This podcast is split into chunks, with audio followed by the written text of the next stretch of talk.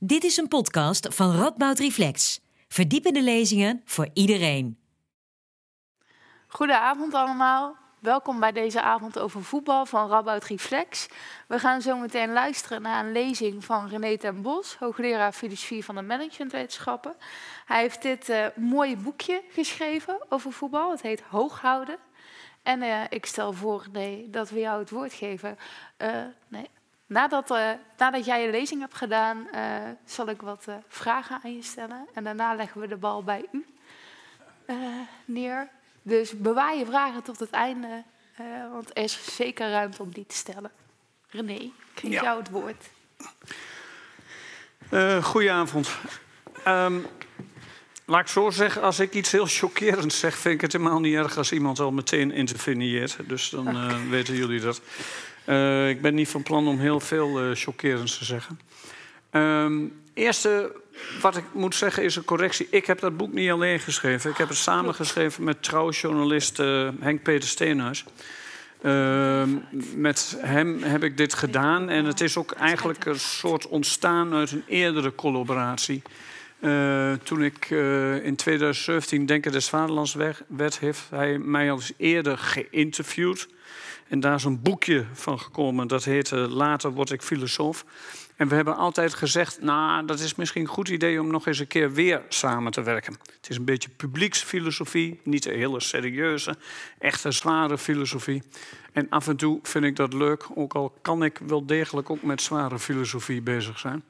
Maar dat, uh, dat, dat is niet altijd uh, geboren.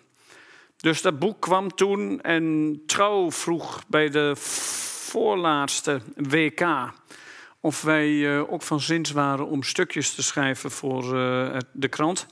Al daar, en dat hebben wij gedaan. En dan gaat het in feite zo: hij belt mij en dan uh, ratel ik voor de vuist weg. En dat neemt hij op en dan maakt hij daar een verhaal van. En zo is in feite dit hele boek ook ontstaan. Hij belt mij en ik ratel dan wat weg. En soms duurde dat wel twee uur. En dan uh, heb je uiteindelijk heb je zo'n soort uh, boek. Uh, en dat heet Hooghouden. Nou, daar zal ik jullie straks allemaal wat over vertellen, wat dat is. Dat, dat hooghouden. Maar misschien is het handig om eerst eens te gaan vertellen waarom zo'n filosoof eigenlijk in zoiets platvloers want dat wordt toch meestal gedacht, voetbal is platvloers. Waarom zijn filosofen geïnteresseerd in voetbal? Ik ben niet de enige filosoof die geïnteresseerd is in voetbal. Dat uh, is, is, sowieso al uh, heel duidelijk. De, de, er zijn meerdere filosofen die geïnteresseerd zijn in, in dit spel. er is al jaren een soort van ja, opkomst in, in, in filosofie die geïnteresseerd is in sport in het algemeen. En ook filosofie die geïnteresseerd is in, in voetbal dat, dat, dat is niet alleen in de Engelstalige wereld het geval, maar bijvoorbeeld ook in de Duitse uh, wereld. Dus ik pluk uit dit boek ook nogal wat uit uh, Duitse boeken, Horst Bredekamp, Günter Gebouwen, dat soort mensen, Martin Gressman. allemaal mensen die boeken hebben geschreven over, uh, over voetbal en filosofie. En, en uh, die schrijven vaak op een interessante manier erover. Waarbij je dus hele merkwaardige inzichten krijgt en dergelijke. En daar kom ik straks nog wel op terug. Een paar van de ideeën die je dan tegenkomt, die heb ik dan ook heel netjes gejat. Misschien is wel het beroemdste voorbeeld van een filosoof die uh, uh, geïnteresseerd is in filosofie, Albert Camus, de grote existentialist. Iedereen kent hem bijvoorbeeld van De Pest en van uh, allerlei andere romans. Maar Camus was ook een goed keeper. En ja, een beetje net zoiets als die huidige keeper uh, uit Nederlands elftal. Goed en degelijk. Hè? En hij was ook uh, een goede voetballer. Schijnt het zelfs tot het Algerijnse elftal te hebben geschopt. En later nog jarenlang tot aan zijn dood supporter te zijn geweest van Racing Club de Paris oude club in, uh, in, in Parijs. En hij heeft uh, altijd gezegd dat zijn hele existentialistische filosofie volstrekt gebaseerd is op voetbal. Dat is een interessante gedachte. Waarom zou een voetballer, of uh, sorry, een filosoof, zo geïnteresseerd zijn in voetbal? Wat maakt hij mee op die wij, waardoor hij denkt de hele wereld is existentialistisch? Nou, dat, dat, dat, dat zijn uh, ideeën die hij heeft. En dat heeft met een aantal zaken te maken. Hè. Bijvoorbeeld met het feit dat, dat, dat op die wij hele onvoorspelbare dingen gebeuren. Precies zoals het leven ook onvoorspelbaar is. Dat zijn zaken die Camus uh, vertelt. Hè. Hè, voetbal is je reinste contingentie. Dus het is allemaal toeval van wat er gebeurt. En ik weet niet of ik zeg niet dat hij daar gelijk aan heeft, maar hij is degene die dat wel op deze manier formuleert. Hij is uh, tegelijkertijd ook ervan overtuigd dat voetbal ook voortdurend lessen leert in onrechtvaardigheid. Voetbal is bij uitstek een onrechtvaardige sport wat natuurlijk ook interessant is. Iedereen die bijvoorbeeld speelt al op een uh, laag uh, uh, niveau, weet precies wat dat betekent. Je kunt de hele wedstrijd bijvoorbeeld beter zijn dan je tegenstander en toch met 0-1 verliezen. wat, wat, wat, wat interessant is. dus andere sport die ik ook graag bedrijf en waar ik geïnteresseerd in ben, is schaken. Schaken is precies zo. Ik heb altijd het gevoel dat als ik goed speel, dat ik verlies en als ik slecht speel, dat ik win en die, die verdraaiingen, die zitten er altijd uh, zo lekker in. en dat is iets wat, uh, waar, waar, Camus heel veel aandacht uh, voor vraagt. Nou, um, goed, wij beginnen dus een beetje in, met dat boek in het begin, met Camus. Zie je nou wel, filosofen kijken naar voetbal. Als je daarentegen heel veel mensen zegt van ik heb boeken over voetbal geschreven, ook mensen in de filosofiewereld, dan zeggen ze desalniettemin altijd van waarom zou je dat nou doen? waarom zou je dat nou doen? Waarom is dat nou zo interessant voor je? en uh, nou, ik denk dat daar wel wat goede redenen voor zijn. en dat is, uh, hangt bijvoorbeeld samen met het gegeven dat voetbal zo waanzinnig groot is. Daar kunnen we ons eigenlijk helemaal geen voorstelling van maken. Het is ongeveer de grootste sport die er is.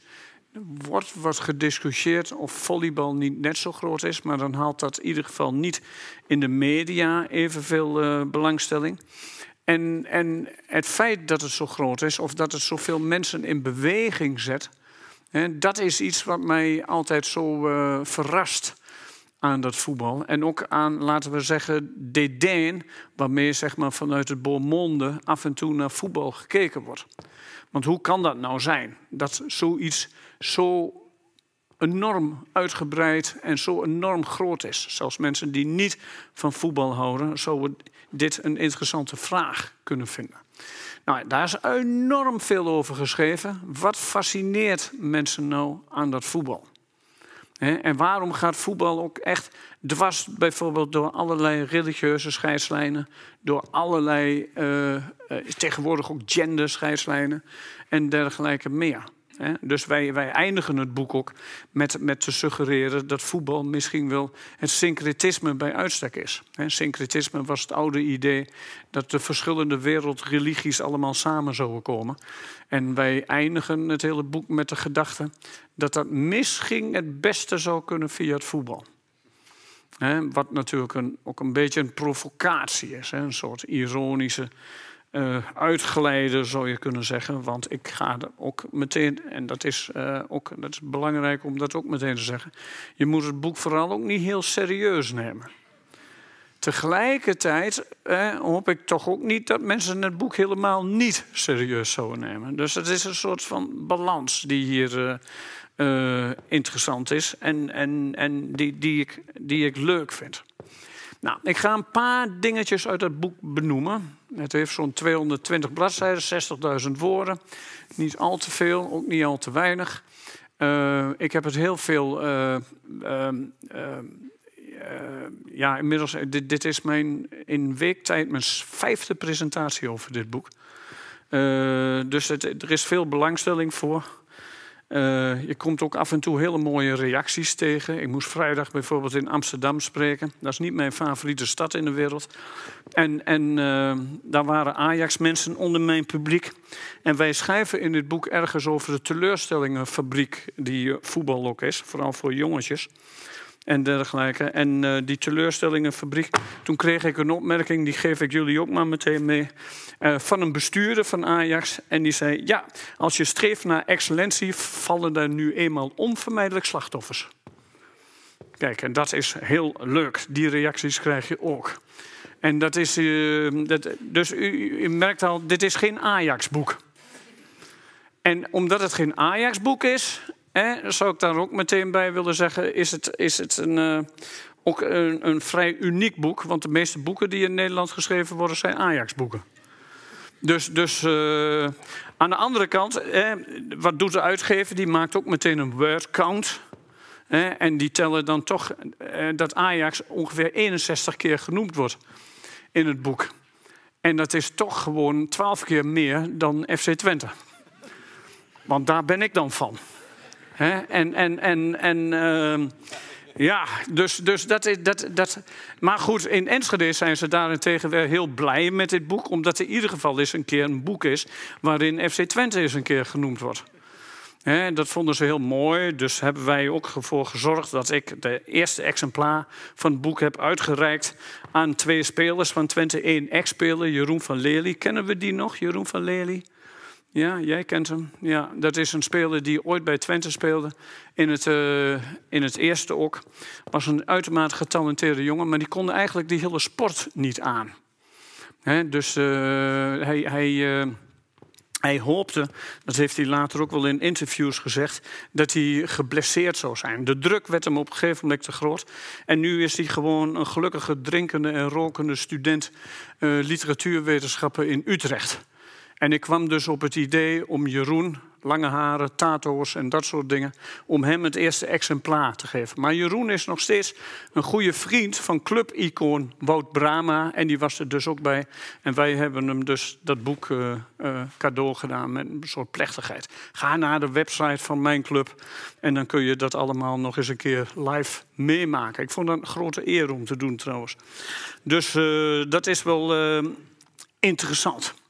Goed. Um, lang een paar thema's noemen. Hooghouden, waar komt die titel vandaan? Iedereen weet wat dat is, hooghouden. En, en uh, nu begint het echte deel van de lezing. Um, oh, kijk, hooghouden, dat is dit, hè? Boom, bal, bal. En dan proberen die bal hoog te houden. En, en natuurlijk vind ik het ook mooi. Hè, denken wordt ook vaak met iets hoogs geassocieerd. En, en, en daar dan ook ergens blijven. Dat, dat, dus die ideeën zitten erin. Het is eigenlijk een eerbetoon aan mijn zoon. Um, Boris. Ik had hem gezegd, kom nou hier vanavond. En ik belde hem ongeveer twintig minuten geleden op. Maar, oh god pa, ik ben straal vergeten. Ik heb een andere afspraak. Dus zo belangrijk vond hij dat niet. En uh, wat ik heel leuk vind trouwens. Maar uh, hij kan waanzinnig goed hoog houden. En, um, en dat is wel een belangrijk dingetje. Hij was een jaar of twee, drie oud. En toen viel al op dat hij met die bal dingetjes kon. En uh, hij heeft ook wel gevoetbald. Nog een beetje bij NEC, bij Vitesse. En weet ik veel wat. Maar dat ging allemaal niet door, omdat hij uitermate blessuregevoelig is. Dus hij kreeg hamstrings en dat soort gedoe. Dus zijn carrière werd al snel uh, in de kiem gesmoord. En, uh, en toen heeft hij zich nog verder toegelegd op dat hooghouden. En, en, en, en nu is hij bezig met wat ze tegenwoordig street culture noemen. Een hoodie op, weet je wel, koptelefoon. En dan zie je die jongens. Boom, boom, boom. En moeiteloos, drie, vierduizend keer houdt hij die bal hoog. Urenlang zonder dat hij op de grond komt. En daar doet hij ook hele rare dingen mee. Hè. Dus bal in de nek, op de kop, uh, zo achter juks. En het gaat nooit mis. Hij kan dat gewoon. En ik liet dus een keer een filmpje zien, want daar worden dan filmpjes van gemaakt. En uh, ik liet een keer een filmpje zien aan een bevriende jazzpianist van mij. En die zei toen, en daar ontstaat het idee voor een boek. Die zei toen mij van, dit is precies wat ik doe als ik probeer iets met jazz in te. Oefenen, oefenen, blijven oefenen, oefenen, oefenen. En, en als het misgaat, begin je weer opnieuw. En dan nog een keer, en dan nog een keer, en dan nog een keer. En het mooiste is, hè, het heeft geen enkele nut. Hè, het heeft geen enkel nut. Maar dat is iets wat je doet. Dat is het hele idee hè, van, van een bal gewoon hoog houden, omdat je daar nou ja, zoiets als plezier aan beleeft. Precies zo als je, wanneer je zeg maar, een pianoriddel heel goed kunt spelen. En het heeft geen enkele nut. En, en je doet het alleen maar eigenlijk voor jezelf. Het grootste plezier is ook als je het helemaal voor jezelf doet. Dat heeft hij mij ook heel vaak gezegd. Er zit ook iets heel merkwaardigs in. Want als je een kind een bal geeft, is het eerste wat het kind altijd wil doen, die bal bij zichzelf houden. Wat heel erg interessant is. Een van de eerste dingen die kinderen altijd doen is bal, boem, en dan terughalen naar jezelf. Dus is heel interessant. Hè? Je houdt die bal, die hou je eigenlijk gewoon bij je vast. En dan kijk je wat je daarmee kunt doen. Dat is overigens iets wat in, in de hele geschiedenis van balsporten altijd een belangrijke rol heeft gespeeld dus uh, om maar eens naar de oude Griekse tijd te gaan of zo. Daar, die kenden ook wel balsporten. Maar de, de, bedoeling van die balsporten was heel anders dan in het huidige voetbal. de bedoeling van die balsporten was dus juist dat je die bal die je dan had... dat, dat je die zoveel mogelijk hield. Dus je had een veld, er was een streep over getrokken en zo. En dan had iemand de bal en dan rende je heel snel terug naar je eigen achterlijn. Dan ging je met al je maats ging je daaromheen staan. En dan werd ervoor gezorgd dat die tegenstander die bal niet kon krijgen. Je moest die bal zo lang mogelijk vasthouden. wat dus uh, tot behoorlijk gewelddadige situaties leidde, als ik uh, die oude geschriften uh, mag geloven. En met blessures en, en, en weet ik veel wat. Want je probeerde die bal dus af te pakken interessant aan voetbal is, als jij dus naar trainers kijkt en zo, die zeggen nou juist dat je dat niet moet doen. Trainers zijn heel vaak zo tegen dat soort trucjes. trainers die vinden heel vaak dat je die bal juist moet afspelen. dus je, wat het meest natuurlijke is, namelijk die bal bij jezelf houden en kijken wat je ermee kunt doen, dat wordt dus in zekere zin onmiddellijk afgeleerd. Dat fascineert mij mateloos. Ik heb mij al jaren met, met, met voetbal bezig gehouden. En de wijze waarop trainers over het algemeen proberen een soort van zakelijkheid in die spelers te krijgen, is eigenlijk heel erg niet des voetbals. Ik hoop dat jullie een beetje uh, mee kunnen denken in, in, in wat ik doe. Dat is eigenlijk iets, iets, iets heel onnatuurlijks. Er zit nog iets heel onnatuurlijks in voetbal. Daar staan we eigenlijk helemaal nooit bij stil. Um, misschien moet ik daar eerst nog even over zeggen dat, dat kijk, in het algemeen is sport uh, omgaan met bepaalde hindernissen die mensen zich vrijwillig opleggen. En, en, en, en, um, en, en, maar de hindernis die voetballers zichzelf opleggen, of die het voetbal zichzelf oplegt, is natuurlijk een heel bizarre hindernis. Want je kunt het in feite nooit met je handen doen. Dus het feit dat voetbal met de voet gespeeld wordt, vind ik een van de fascinerendste dingen die er is. En de voet, dat is natuurlijk iets, ja, heel onhandig ding. Dus je probeert dingetjes te doen met een bal, met dat deel van jouw lijf dat daarvoor het minst geëquipeerd is, om het maar zo te zeggen. dat is dus heel erg. handbal, dat is natuurlijk een flauwekulspel. Want we hebben natuurlijk gewoon een ja, opponeerbare duim en zo. Dat is, maar voeten die hebben dat helemaal niet. dus ik had twee zusjes die handballen, dus hier zit familiehaat in. En, en, en, en, en uh, maar, maar, dat, dat, maar die bal, dat, ja, die voet, dat is onhandig. Günter Gebauer, die filosoof uit Duitsland die ik al één keer noemde, die, die schrijft daarom ook dat voetbal daarom ook gezien wordt als anticultuur vanuit de boommonden. Want ja, alles gebeurt met het onderste deel van je lichaam. cultuur, ik weet, beste mensen, dat er uitzonderingen op zijn. Maar cultuur, dat is doorgaans iets wat, wat, wat, wat, wat met handen tot stand komt. Je schildert met handen, je tekent met handen, je liefkoost zelfs bij voorkeur met handen, tenzij je andere spelletjes speelt. Maar goed, dat is iets wat, wat, wat, uh, wat natuurlijk ook altijd heel frappant is. Hè? Dat, dat, dat je dus die, die, dat, dat, dat spel doet met een lichaamsdeel dat daar in zekere zin niet voor geëquipeerd is. Dus om het anders te zeggen, wat mij als filosoof dus heel erg uh, interesseert, is dus waarom doen we dat eigenlijk met de voeten, voetbal? He, daar staan we in feite nooit bij stil. Maar dat is dat deel. Het is in feite, is het, en dat is een beetje een idee dat ik heb, proberen met iets heel anticultureels, voetbal, toch cultuur te maken. Wat ik natuurlijk een, eh, een, een, eh, interessant dingetje vind. Cultuur zie je niet in wedstrijden van het Nederlands elftal of zo. Hè? Dus daar heb ik het helemaal niet over. Maar dat is precies dat hooghouden. Dat je op alle pleintjes in steden en dergelijke kunt zien. Wat je ook in feite kunt zien naast uh, ja, bijvoorbeeld aan het begin van een wedstrijd, als die wedstrijd nog niet begonnen is, maar als ze bijvoorbeeld aan het inschieten zijn op elkaar, of als ze trainen, dan zie je de trucjes, dan zie je datgene wat je zeg maar echte cultuur kunt noemen, waarbij die zakelijkheid van het voetbal eigenlijk nooit uh, een grote, grote rol speelt. Daarom heb ik ook altijd een soort van romantische voorkeur voor voetballers die af en toe die zakelijkheid nog na, naast zich neer kunnen leggen die het allemaal niet zo belangrijk vinden. En, en, en, en, maar dat is een ingewikkeld ding. Want ik weet natuurlijk ook wel, wil je een voetbalclub hebben, moet er ook gewonnen worden en dergelijke meer. Nou, dat is een van de belangrijkste punten die wij dus maken in dit uh, boek. Daar begint het ook eigenlijk mee in die eerste hoofdstukken. Voetbal is iets wat je met de voeten doet.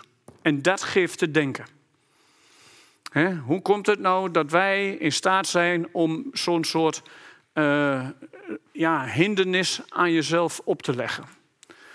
en, en, en dat je dat niet mag doen met dat lichaam, deel, de handen, die het meest geëquipeerd zijn om handige dingen mee te doen. Daarom heet het ook handig. dat, dat is iets wat mij uh, heel erg verbaast over voetbal. Je zou in zekere zin kunnen zeggen dat juist het feit dat die hand zoveel mogelijk uitgeschakeld is, dat dat betekent dat, dat, dat, dat deze sport bij uitstek misantropisch is. Want wij doen verder alles met handen. Wat ook interessant daarbij is, is natuurlijk dat juist het feit dat die hand uitgeschakeld wordt, zorgt er natuurlijk ook voor dat nergens zoveel aandacht uitgaat als juist naar die hand. dat is ook een, een van die mooie paradoxen die je dus altijd uh, ziet. Niemand mag de hand gebruiken, maar alweer als de bal tegen de hand aankomt, dan is die hand juist, omdat die uitgesloten is, des te meer zichtbaar. Wat mij ook uh, uh, altijd verbaast. En dat betekent ook dat degene die zijn hand wel mag gebruiken, de keeper, dat hij dus ook de meest eenzame is in het voetbal. Of die krijgt dus ook altijd het meest eh, op zijn flikken. Want hij kan zich met handen verdedigen tegen iets wat on onkombaar is, namelijk een tegengol. En daarom wordt hem dus in zekere zin altijd verweten dat er ook een tegengol is. Keepers staan er altijd in zekere zin alleen voor. En mijn theorie daarover is dat dat vooral voortvloeit uit het feit dat ze hun handen mogen gebruiken, terwijl de rest dat niet mag. Over die misantropie nog eens een keer gezien. Hè? Tegenwoordig zijn die regels voor hens en dergelijke ook erg aangescherpt. En, dergelijke. en dan zie je de spelers bijvoorbeeld in een muur staan. En, en eh, met de handen zo op hun rug. En al hun, hè, Wilma Stokkenström, de Zuid-Afrikaanse dichteres, die heeft dat ooit eens mooi gezegd. Al hun weken delen bloot. En al die weken delen bloot, dan staan ze daar zo. Het is juist van daaruit niet, laten we zeggen, de meest mensvriendelijke sport die maar denkbaar is. Je kunt er hard door geraakt worden. Goed, voet, handen, anticultuur. Nou, misschien toch ook net niet helemaal anticultuur. Dat zijn thema's waar we het in ieder geval in het begin van het boek over hebben. Dus, ehm, en, en het boek bevat elf hoofdstukken. Elf spelers, zou je kunnen zeggen, die dan meedoen aan dat hooghouden. Oké.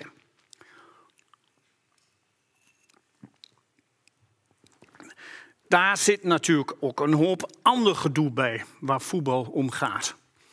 Kijk, ik ben natuurlijk gefascineerd door dat spel. ik, ik, schrijf uitgebreid, omdat ik zelf ook veel gevoetbald heb. Ook op redelijk niveau trouwens. Een paar jaar hoofdklasse amateurs. En, en, en, en, en, en ehm, ik, ik, ik weet denk ik wel wat daar gebeurt op dat veld.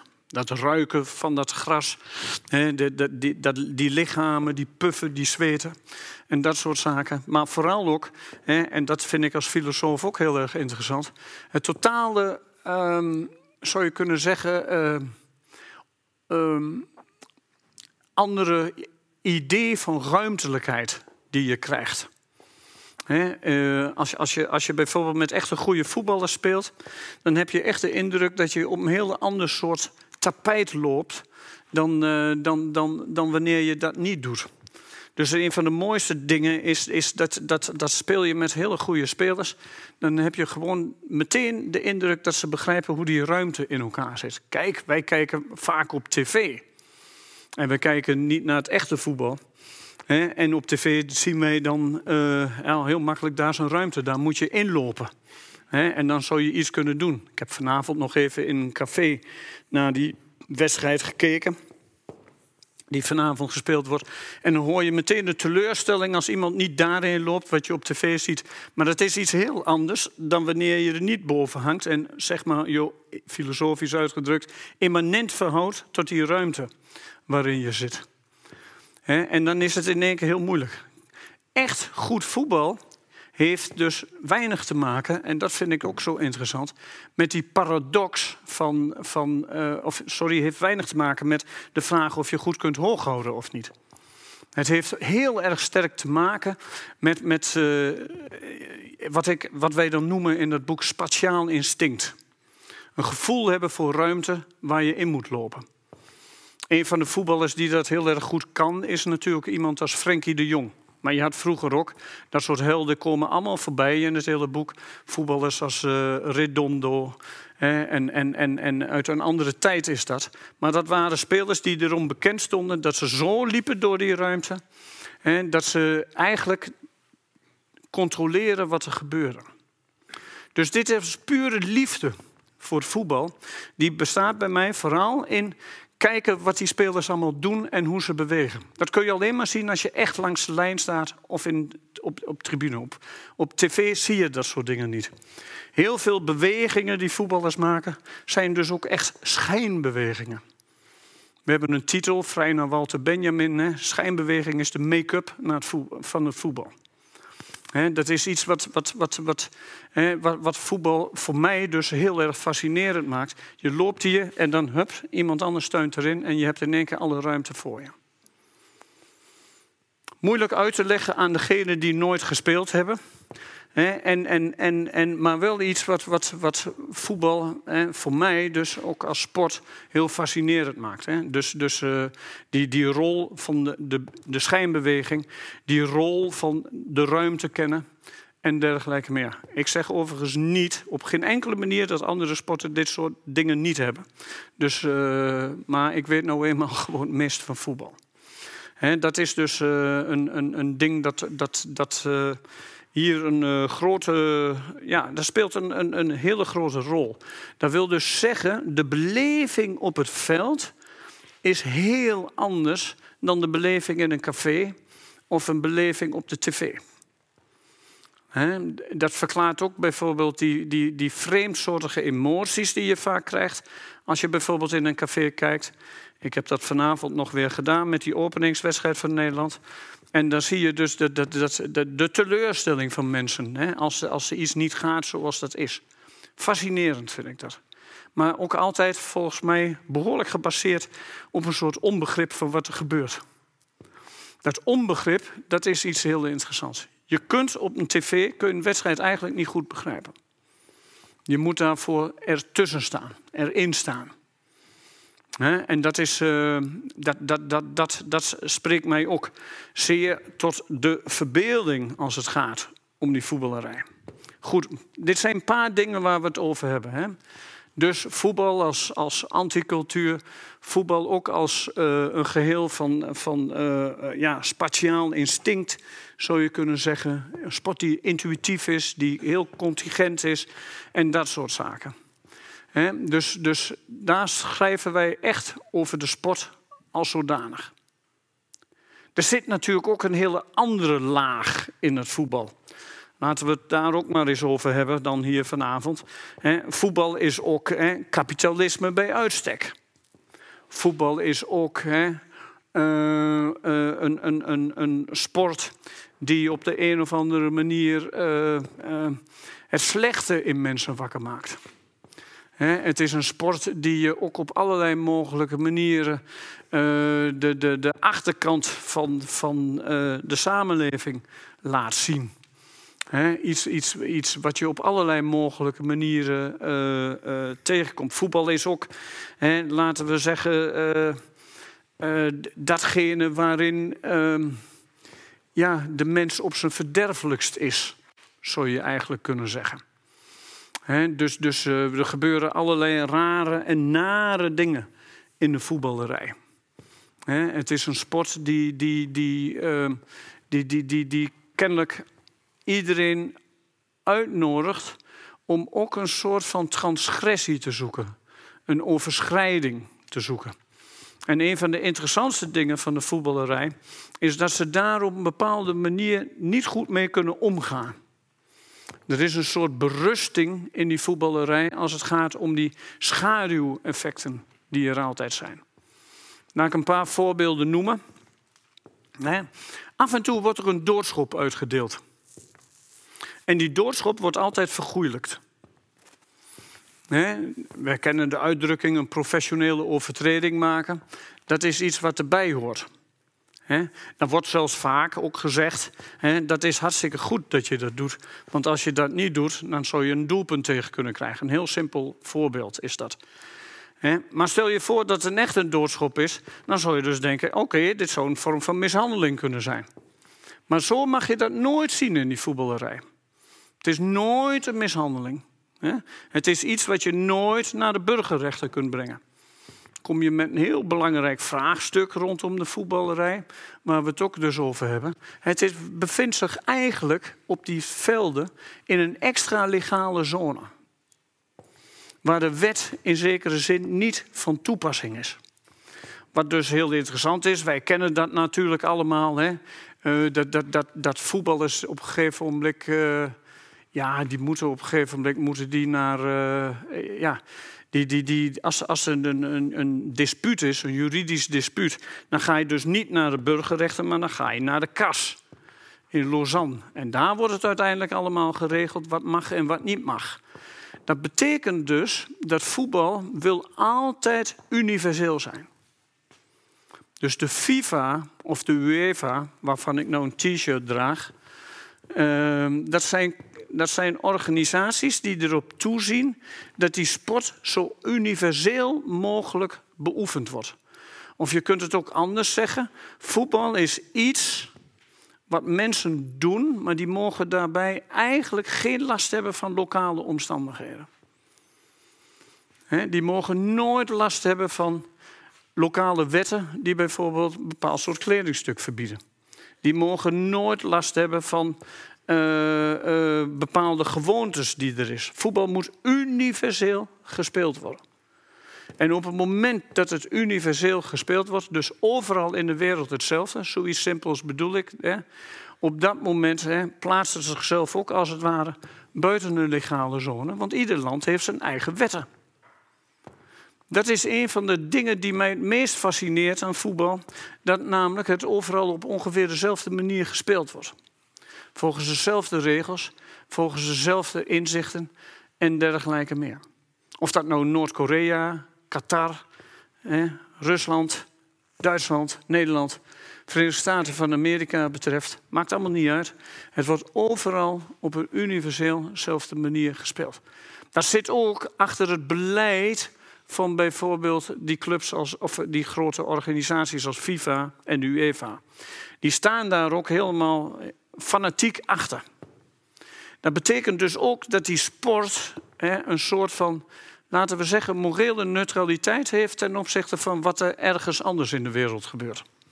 Iets wat mij uh, fascineert, ik heb dat onlangs niet in dit boek, maar in een stuk in de Groene Amsterdammer omschreven als, als uh, het emotivisme van de voetballerij.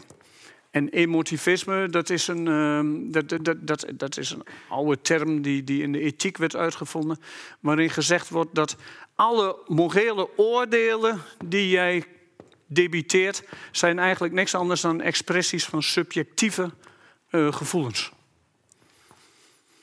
Dat kom je dus voortdurend tegen als je met, in de voetballerij met mensen praat.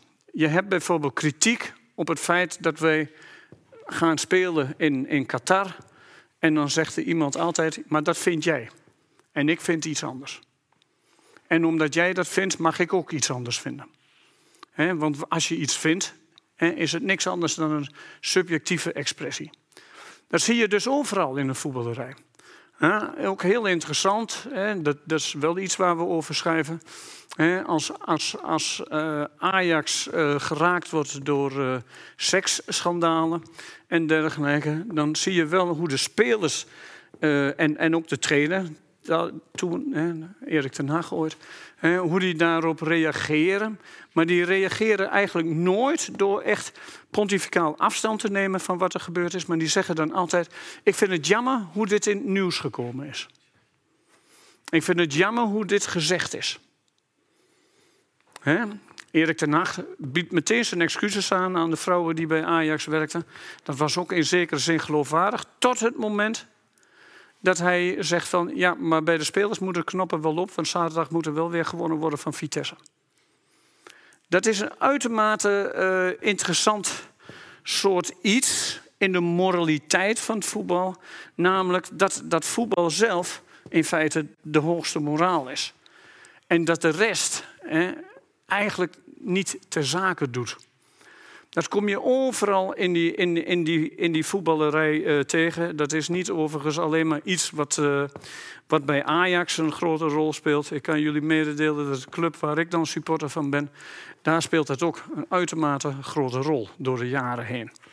En ik hoef jullie niet uit te leggen, of de kennis onder jullie niet uit te leggen, dat Twente ook door diepe dalen is gegaan. En, en, uh, maar het is iets universeels. Dus dat betekent dus dat voetballerij eh, ook altijd, ondanks mijn bewondering voor het spel, waar ik net uiting aan heb gegeven, ook altijd een sport is die, die uh, op de een of andere manier eh, moraliteit neutraliseert. Of in ieder geval ieder moreel debat als het ware uitsluit. Mag eigenlijk niet en, dat is, de, en, en, en dat heeft volgens mij iets te maken met die universele pretenties van die sport. Het moet voor iedereen zijn. Daarom houden echte voetballiefhebbers ook helemaal niet van de VAR.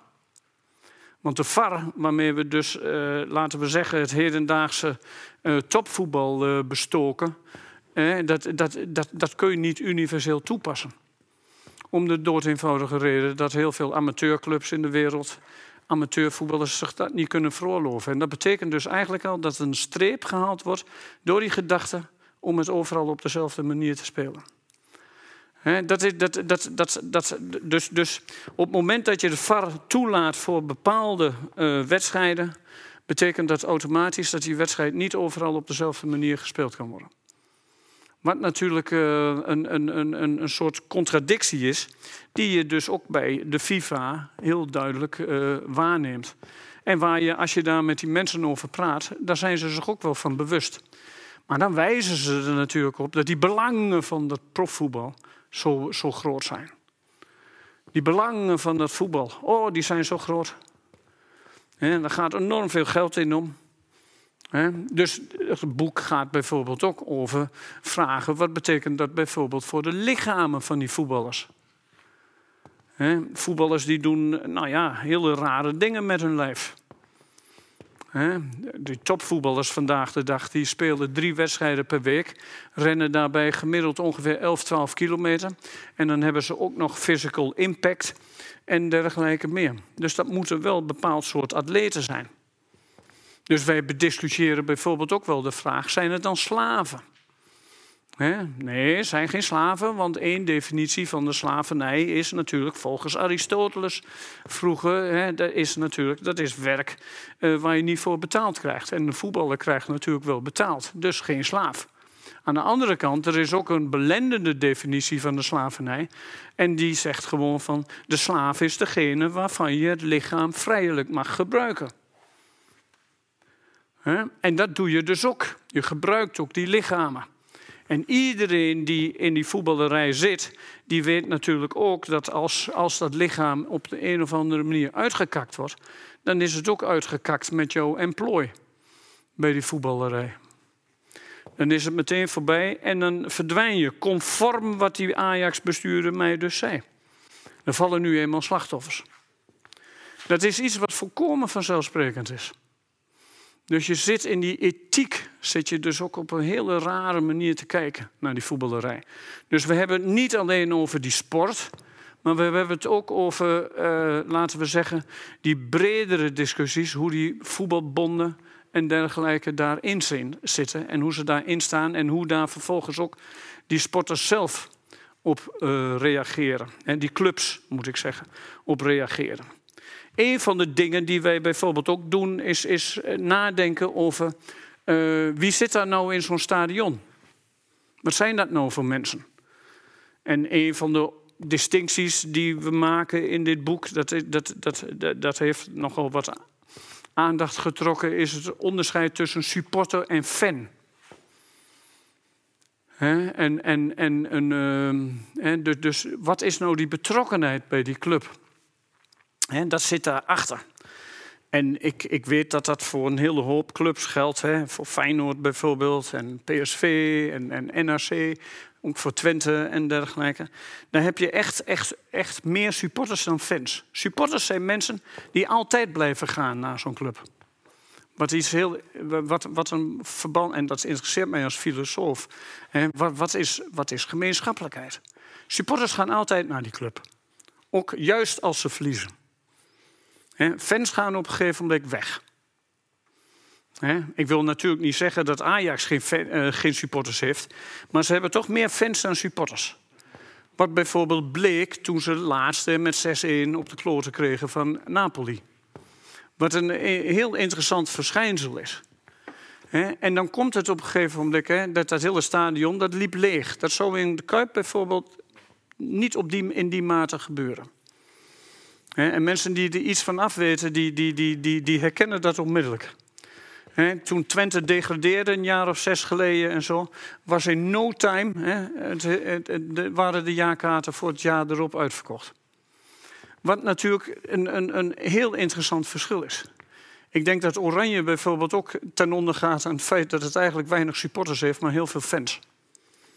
waardoor het ook in zekere zin nooit, nooit, nooit echt, echt, echt een, een hechte gemeenschap worden. Dat is ook wel moeilijk, hè? want dat speelt natuurlijk niet zo vaak, komt ook niet wekelijks voor en zo. Ik ben een echte liefhebber van clubvoetbal, dat moet ik ook eerlijk zeggen. Ik vind het hele WK een uitermate hinderlijke onderbreking van een clubcompetitie. Maar goed, dat, dat, dat neemt niet weg dat, dat, uh, hè, maar dat, dat zie je dus ook. Dat roept ook allerlei andere vragen op. Wie is eigenlijk de eigenaar van de club? Wie bezit die club nou? Zijn dat een aantal miljardairs of zijn dat uh, de supporters? Hoe kan het bijvoorbeeld, ik geef gewoon maar wat thema's waar wij het over schrijven, dat in Duitsland hè, uh, jaarkaarten bijvoorbeeld een stuk goedkoper zijn dan hier? Wat interessant is, hè? Ik, ik, ik woon nu in Utrecht. Ik heb veel te doen met Utrecht-supporters van, uh, vanzelf. Na jaren met NEC-supporters te maken hebben gehad. Allemaal clubs waar ik niet voor ben. Maar goed, dat maakt niet uit. Ik vind die mensen wel leuk. En, en dan komt op een gegeven moment... Uh, komt, komt, uh, ja, nou ja, wat, wat, hoe, waarom zou een Utrecht-supporter voor een jaarkaart, Bunningszijde... gewoon twee keer zoveel moeten betalen als een jaarkaarthouder bij Bayern München? Nou, dat heeft iets ook te maken, en daar schrijven wij ook echt over, met de juridische structuren van die clubs.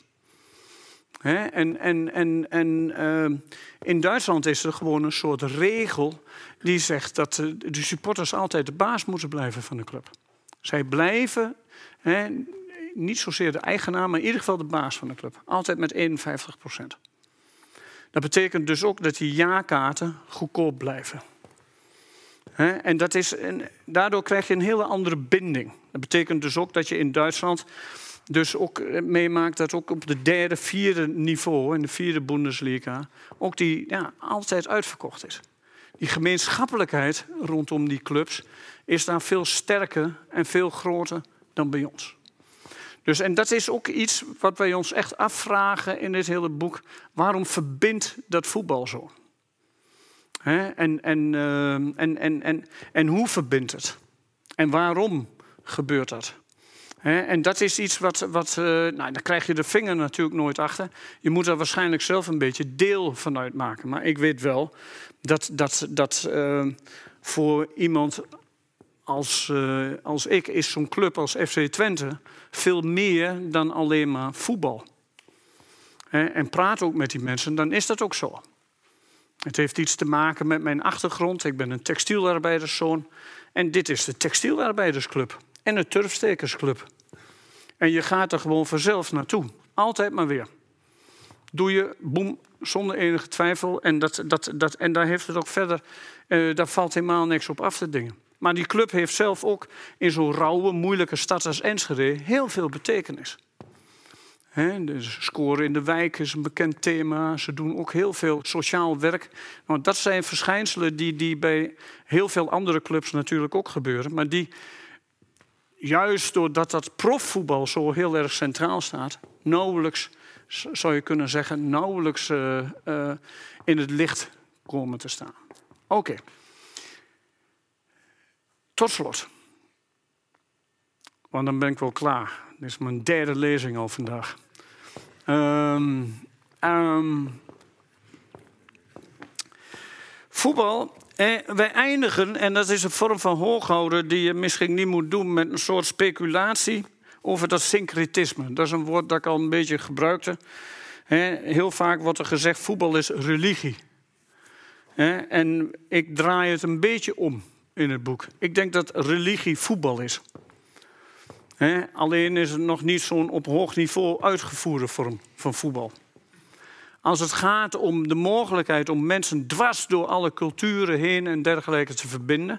Als het gaat om de mogelijkheid om, om uh, geloven en dergelijke te verbinden. Om gender issues en dergelijke te overwinnen en dergelijke. Dan is het iets wat uitermate interessant is, dat voetbal. Want dat is wat het doet. Waar je ook kijkt, hè, alles kan weggerelativeerd worden op basis van uh, lokale afhankelijkheden en dergelijke. Maar overal ter wereld, ook in landen waar voetbal niet zo populair is, India, Verenigde Staten en dergelijke, ziet men dat verbindende van dat voetbal. Dus wij eindigen het boek met een beetje een soort van provocatie. Zo erg zelfs dat de evangelische omroep mij zelfs uitgenodigd heeft om een podcast te maken. Met de gedachte dat voetbal niet zozeer religie is, maar dat uh, religie voetbal is. Speelt ook nog een ander dingetje mee. Hè? In de oude Griekse tijden en dergelijke werd God altijd als een rondheid gedacht, als een sfaira en dergelijke meer. Nou, als iets om rond gaat, dan is het wel voetbal. Ook al is die bal nooit natuurlijk helemaal rond.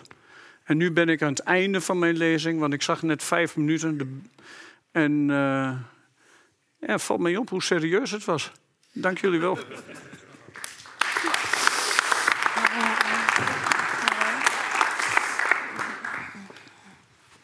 Wil je blijven staan, René, of zullen we gaan zitten? Oh, ik ga wel even zitten. Ja, is goed. Nou, dan kom ik er ook bij zitten.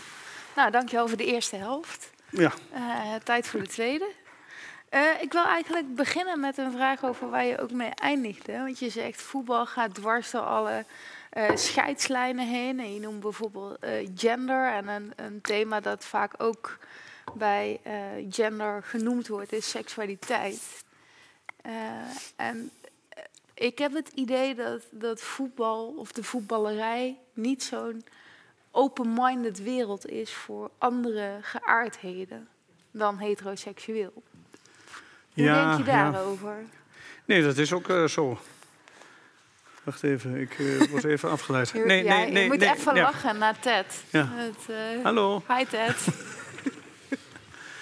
Ehm, nee, nee, nee, voetbal, daar komen mensen van allerlei afkomsten en dergelijke. Wat ik bedoel met gaat dwars door gender heen en dergelijke... is de enorme toenemende populariteit van meisjes- en damesvoetbal. Dus en dat wordt steeds groter. In Nederland is dat natuurlijk nog steeds niet zo groot. En voor de rest eh, kun je gewoon vanuit gaan, eh, Joyce, dat, eh, dat, dat ja, alle achterlijkheid die in de wereld zit, zit zeker ook in het voetbal. Ja, want voetbal is natuurlijk wel een afspiegeling van de werkelijkheid. Ja, ja. de- of is de werkelijkheid. Het is Hmm. natuurlijk geen. Nee, het is een afspiegeling. afspiegeling van de werkelijkheid. Kijk, mijn vader was vroeger er heel erg op tegen dat ik ging voetballen. Want die vond het, en dat werd in die tijd zo uitgedrukt... die vond het gewoon sowieso een homosport. Dus en dat heeft hij tot zijn eind van zijn leven volgehouden. En toen hoorde hij dat er in voetballerij geen homo's zouden bestaan... wat ik natuurlijk uitermate eh, maffe uitspraak vind. Maar hij zei toen, noem mij één heteroseksueel in het voetbal. Dat was mijn vader.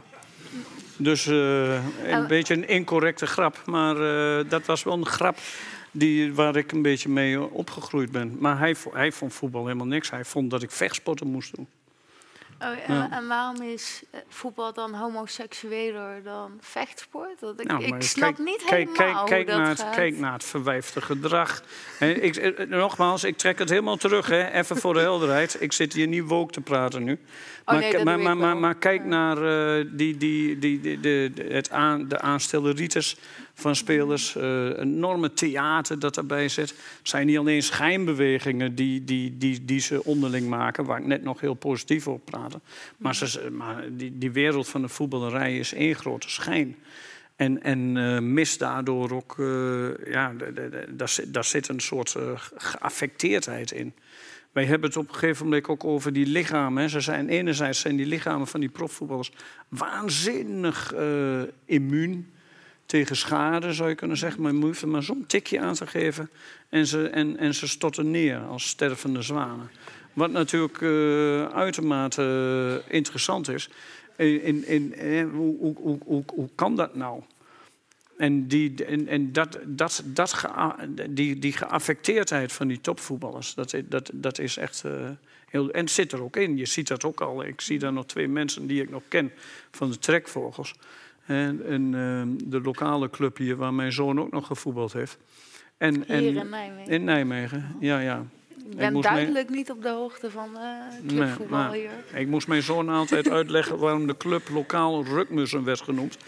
maar goed, ehm, dat, dat is iets. ehm, daar heb ik pas tot mijn zijn dertiende of zo mee gewacht. Oh, ja. Maar goed, ehm, maar hij heeft een. eh, maar ehm, da- daar zie je, die, die, die, dat is heel leuk. Die spelertjes doen het allemaal na. En, en vooral die mannetjes. Die vrouwen, meisjes doen dat niet. Meisjes speelden een veel ruwere vorm van voetbal. Op een bepa- bepaalde paradoxale manier. Een soort voetbal dat veel dichter bij de oorsprong van het voetbal staat. En wat is die oorsprong dan?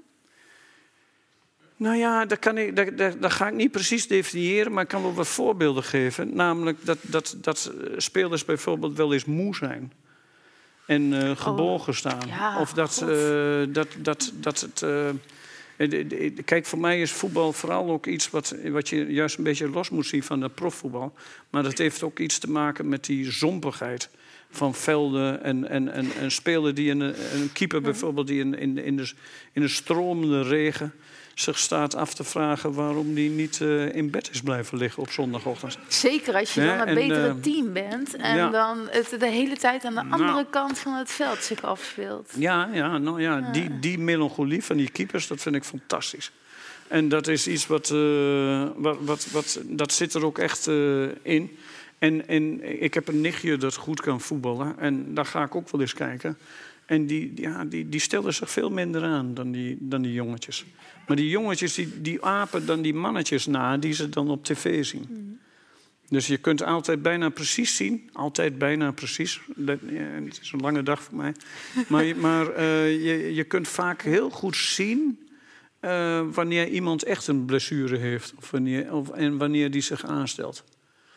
Nee, dat vind ik uh, heel interessant. En dat is dan ook weer interessant. Dan staan er ook weer allerlei hysterische ouders omheen. En die vinden mij dan te weinig empathisch. Ja. ja want 9 van de 10 keer dat zo'n F'je valt, is er natuurlijk niks aan de hand. Er is helemaal niks aan de hand. Nee, nee precies. Nee. Is dat niet sowieso met kinderen? Nou, er zit altijd zo'n soort uh, isomorfie komt erin. Hè? Dus, dus uh, ze kijken heel veel naar het voetbal en doen het gedrag van die topvoetballers na. En waarom doen die meisjes dat dan niet? Ja, ik denk dat ze minder vaak kijken. Is een theorie. Moet empirisch onderzocht worden. Oké. Ja, kan weerlegd worden, dat weet ik niet. Ja. Maar ik, ik begrijp wel uit uh, allerlei. Uh, uh, dit, ik, ik weet een beetje waar ik het over heb. Maar uit onderzoek blijkt nog steeds dat mannen veel vaker kijken dan, dan vrouwen. En of dat nou voor die jongere dames geldt, dat weet ik ook niet helemaal zeker. Maar die speelden liever zelf dan dat ze kijken.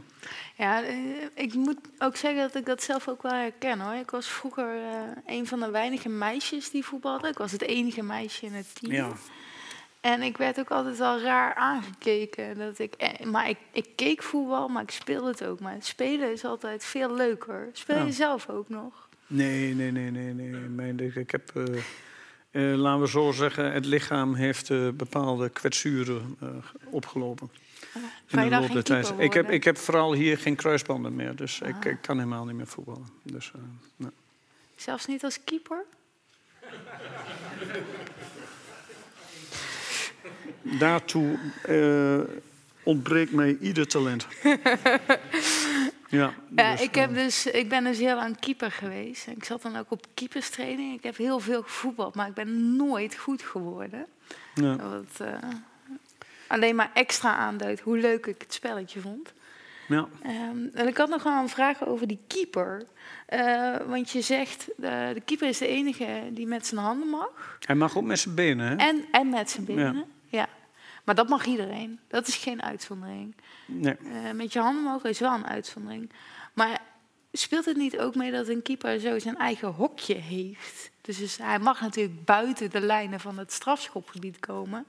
Maar dat, dat voelt wel, wel echt als niet de bedoeling. Nee, zijn handen die zijn uh, erop gericht. En dat is uh, belangrijk dat, dat binnen dat hok, dat zogenaamde strafschopgebied, mag hij uh, met de handen spelen. Hij mag bijvoorbeeld niet met de handen scoren. Ah, dan zijn je echt heel ver kan gooien. Ja, maar dat is bij mijn weten nog nooit gebeurd. Nee, ik kan me dat ook niet herinneren. Nee, nee. nee. En, en, uh, maar het, het, is wel eens gebeurd dat een verre uittrap... Hè, dat hij dan toch in één keer uh, zat. En dat, uh, dus keepers kunnen scoren, ze mogen met de kop scoren. Maar, net, maar zijn ze eenmaal buiten strafschopgebied dan verandert hun status en worden ze gewoon spelen onder de anderen. Oh, dus zodra je buiten je hokje komt, wordt een keeper ja, waarbij je hebt dan ook nog een heel klein hokje rondom die goal. Ja. Maar wil je het over spelregels hebben? Nou? Nee, ik wil het niet. Ik, ik, op zich ben ik bekend met de spelregels. Ik ga er vanuit jullie ook. Ja, nou, dat kleine hokje eromheen, dat is, dat is natuurlijk... Uh, daar, krijgt hij, daar krijgt hij speciale bescherming. Ja, natuurlijk moet dat uitleggen. Maar daarbuiten is hij heel kwetsbaar. Die kwetsbaarheid van keepers, die vind ik mooi. Ja. Maar je geeft ook aan dat alle spelers kwetsbaar zijn. Ja, ze zijn allemaal wel een beetje kwetsbaar. Maar de, de, de, de, bij, bij de, de keeper geldt dat bij uitstek. Als, als, eh, kijk, nou, nou vanavond bijvoorbeeld houdt die Nederlandse keeper van Herenveen komt hier. Ik had nog nooit van hem gehoord. Ik keek in één keer, ik volg ook niet alles. Maar nu, ik begrijp trouwens nu wel waarom FC Twente in Heerenveen verloren heeft. Laat ik daarop houden. En, en, en hij, is, ehm, ehm, hij doet het waanzinnig goed. Maar let op, eh, het is, wordt heel interessant. Hè? Een fout van een keeper springt veel meer in het oog dan uh, fouten die anderen maken. Ik heb, was bijvoorbeeld wel getroffen door paar hele stomme passes van uh, Frenkie de Jong. En, en, en, en, en, maar daar praat niemand meer over. Maar als het, die, die fout van de keeper heeft vaak extra consequenties. Waardoor die morele lading op hem komt. Niet vergeten, hè, Albert Camus was een keeper. En, en uh, die, die weet dat, dat daardoor al het onrecht in één keer op je af kan komen. Ook al heb je ontzettend goed gekiept. maar één fout en iedereen heeft alleen nog maar over die fout. Maar, daar, maar daar, daar, hij mag het met de handen doen. Dat is ook makkelijker. Dus je hoeft geen medelijden met keepers te hebben. Maar er zijn nog wel wat tragische keepers geweest. Ik herinner me nog wel een zelfmoordgeval in Duitsland. Stanley Menzo, dat soort uh, droevige verhalen. Dus uh, bij keepers speelt het altijd wat zwaarder. Is dat daar, denk je, ook de reden dat Camus de ultieme vraag naar de zelfmoord stelt? Eigenlijk de enige relevante filosofische vraag is: waarom pleeg je eigenlijk geen zelfmoord? Ja, ik, of gaat het dan te ver? Ja, dat weet ik niet. Dat gaat een beetje te ver. Dat schrijft hij natuurlijk ergens. Uh, waar schrijft hij? L'homme revolte of mythe du. Ja, en en um, ja, nee, de, ik, ik, zou zeggen van uh, ja, de enige echte serieuze filosofische vraag is: waarom wordt iemand een keeper? En en en en. en ik moet zeggen, ik heb dat nooit gehad in mijn studie. Nee. Uh... Nee, maar je hebt wel mooie boeken. Die Angst des Torwaars bij Elfmeter. Dat is een bekend boek in Duitsland. En, en, en, uh, je, uh, en daar speelt ook nog iets anders mee. Dat, dat, dat is van... Ja, die, die, die keeper, dat... dat ja, dat... dat ja, er, ergens heeft iedereen een hekel aan hem. Het, het, het, het, het, het klopt op de een of andere manier niet om dat te willen worden. en, en, uh, ik voel me heel dus, erg aangesproken. Hè? Ja, ja. ja. En, en, in de voetballerij heeft, ja. ja. dat speelt het echt een rol. Dus, dus, dus uh, dat, dat kom je trouwens wel vaker. Het is misschien ook een soort jaloezie, de métier. He, de, de, dus net zoals dat in de artsenij bijvoorbeeld... worden bedrijfsartsen met een nek aangekeken. Maar maar uh, keepers zijn vaak gemankeerde keepers. Of uh, gemankeerde voetballers. Dat is wel een houding die, die, die, die, je, die, je hebt. Ik heb dat nou, nou, bijvoorbeeld nog niet eens zo lang geleden meegemaakt met, met iemand als Drommel, keeper die van Twente naar PSV ging. Maar die, die werd in Enschede totaal afgefakkeld. En vervolgens en ook genadeloos. En nu gebeurt hem precies hetzelfde bij PSV. En, dat is, uh, en dat gebeurt bij dit soort mensen veel harder dan bij gemiddelde voetballers. Fascineert mij. Er is een soort, uh, ja, je kunt, ja, ik wil wel filosofische namen noemen. Je kunt er René Girard erbij halen, hè, de zondebok. En, en, en, en, en dat soort, maar dat is heel vaak van toepassing op, uh, op, op keepers. Ja. Tragische figuren is wat je. Het zijn een beetje tragische figuren, ja. ja. ja. Ik heb ook nog een hele andere vraag, uh, René. Want je, je spreekt uh, eigenlijk niet over het veld, maar je spreekt vrij consequent over de wij. Ja. Waarom?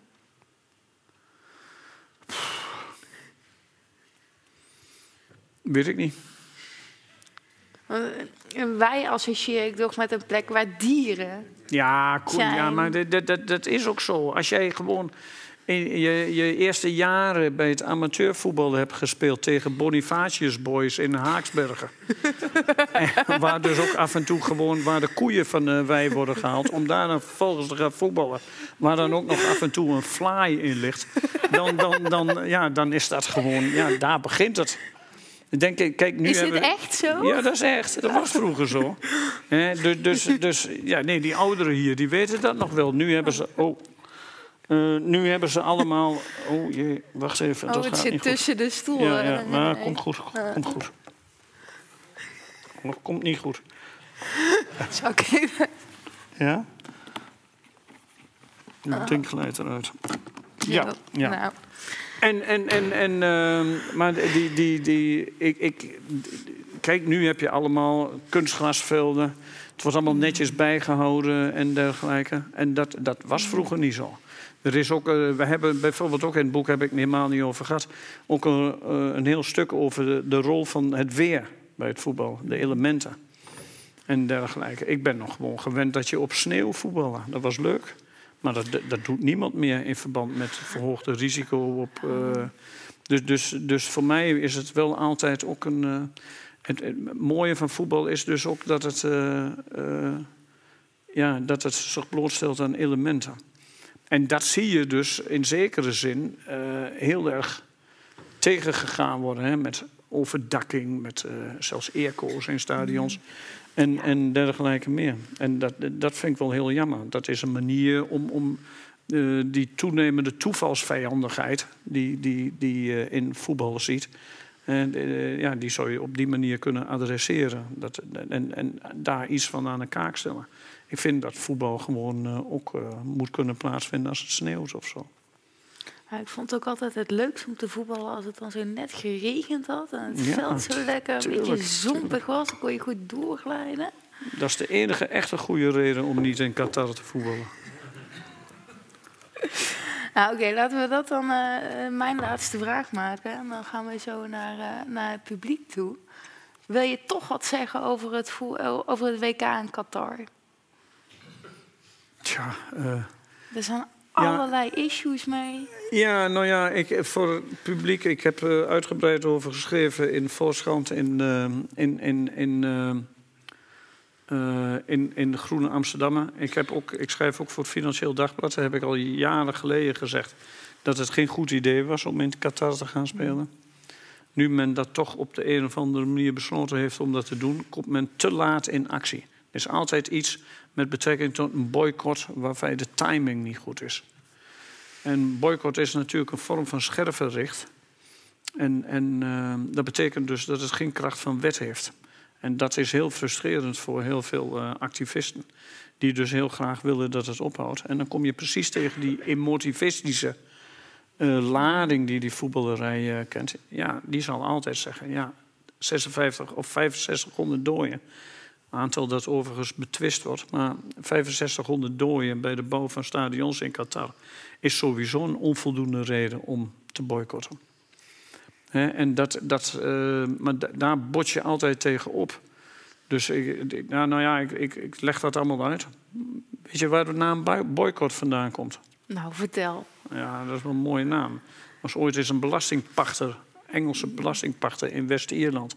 En die kneep de bevolking zo uit dat, uh, dat, dat, dat daar een naam voor bedacht werd. En die, die meneer die heette Charles Cunningham Boycott. Dus het is echt een metonymia. Dus het is een naam van een meneer. Die mensen die waren daar uh, actie aan het voeren. Daar had je een paar slimme koppen bij die die actie voeren. Tegen meneer uh, de belasting uitknijpen. Meneer Boycott. En die vonden het woord dat de Engelsen daarvoor gebruiken, ostracize dat is onscherven gericht, ostracize, ostraciseren, zeggen we hier ook wel. Ostrakon is het Griekse woord voor scherven. In de oude Griekse tijd ging dus, uh, kon je een aardewerk kapot gooien, had je allemaal scherven.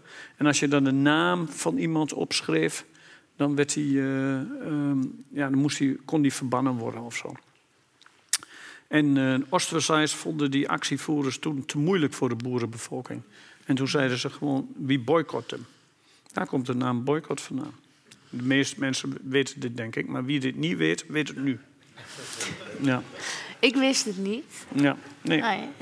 Uh, we leren niet alleen over voetbal en filosofie, we leren ook uh, etymologie. Dit is iets met etymologie, maar het, het, is, een, ja, het, het is een, uh, een, een, een, familienaam. Die, die, die, die gebruikt is om een bepaald soort verschijnsel. Maar het interessante van boycotts is natuurlijk dat, dat ze geen kracht van wet hebben. Dus, dus uh, ze hebben iets dwingends, dat willen de actie, actievoerders heel graag. Maar tegelijkertijd zijn ze niet voldoende dwingend. Dus iedereen kan een boycott altijd naast zich neerleggen. En de, de, tegelijkertijd is het zo dat, dat, net als de economie ook altijd een zwarte economie nodig heeft, heeft het juridische dus altijd een extra legale zone nodig. He, want de rechters alleen kunnen het niet aan. En vandaar dat dit dus uh, regelmatig gebeurt. En, en boycotts houden mij al heel lang bezig. In de jaren 70 mocht ik op een gegeven moment geen Zuid-Afrikaanse bloedsinaasappelen meer eten. He, oud weten we dat nog, de oudere mensen? Dus uh, ja. En dat, uh, maar boycotts zijn ook altijd moreel heel erg ambivalent. Dat, dus, dus de een die eist het helemaal vanzelfsprekend eigen gelijk op. Het is afschuwelijk wat er gebeurt. Tegelijkertijd hebben ook heel veel mensen plezier aan. Er gaat veel geld in om. Horeca-ondernemers verdienen er geld mee. Er zijn ook allemaal morele belangen. En iedereen heeft daarin de neiging om het eigen morele belang helemaal absoluut op een voetstuk te zetten. Waardoor je vaak die hele verzuurde discussies krijgt. En, en, en dat heeft dus te maken met het feit dat er geen kracht van wet achter die boycott zit. Ik heb gezegd. Ik denk dat dat een prachtige afsluiter is, uh, René. Uh, ik wil jullie bedanken voor jullie aandacht. Ik wil jou bedanken voor je, voor je lezingen, je prachtige antwoorden. En uh, ja, fijne avond nog. Wel trusten.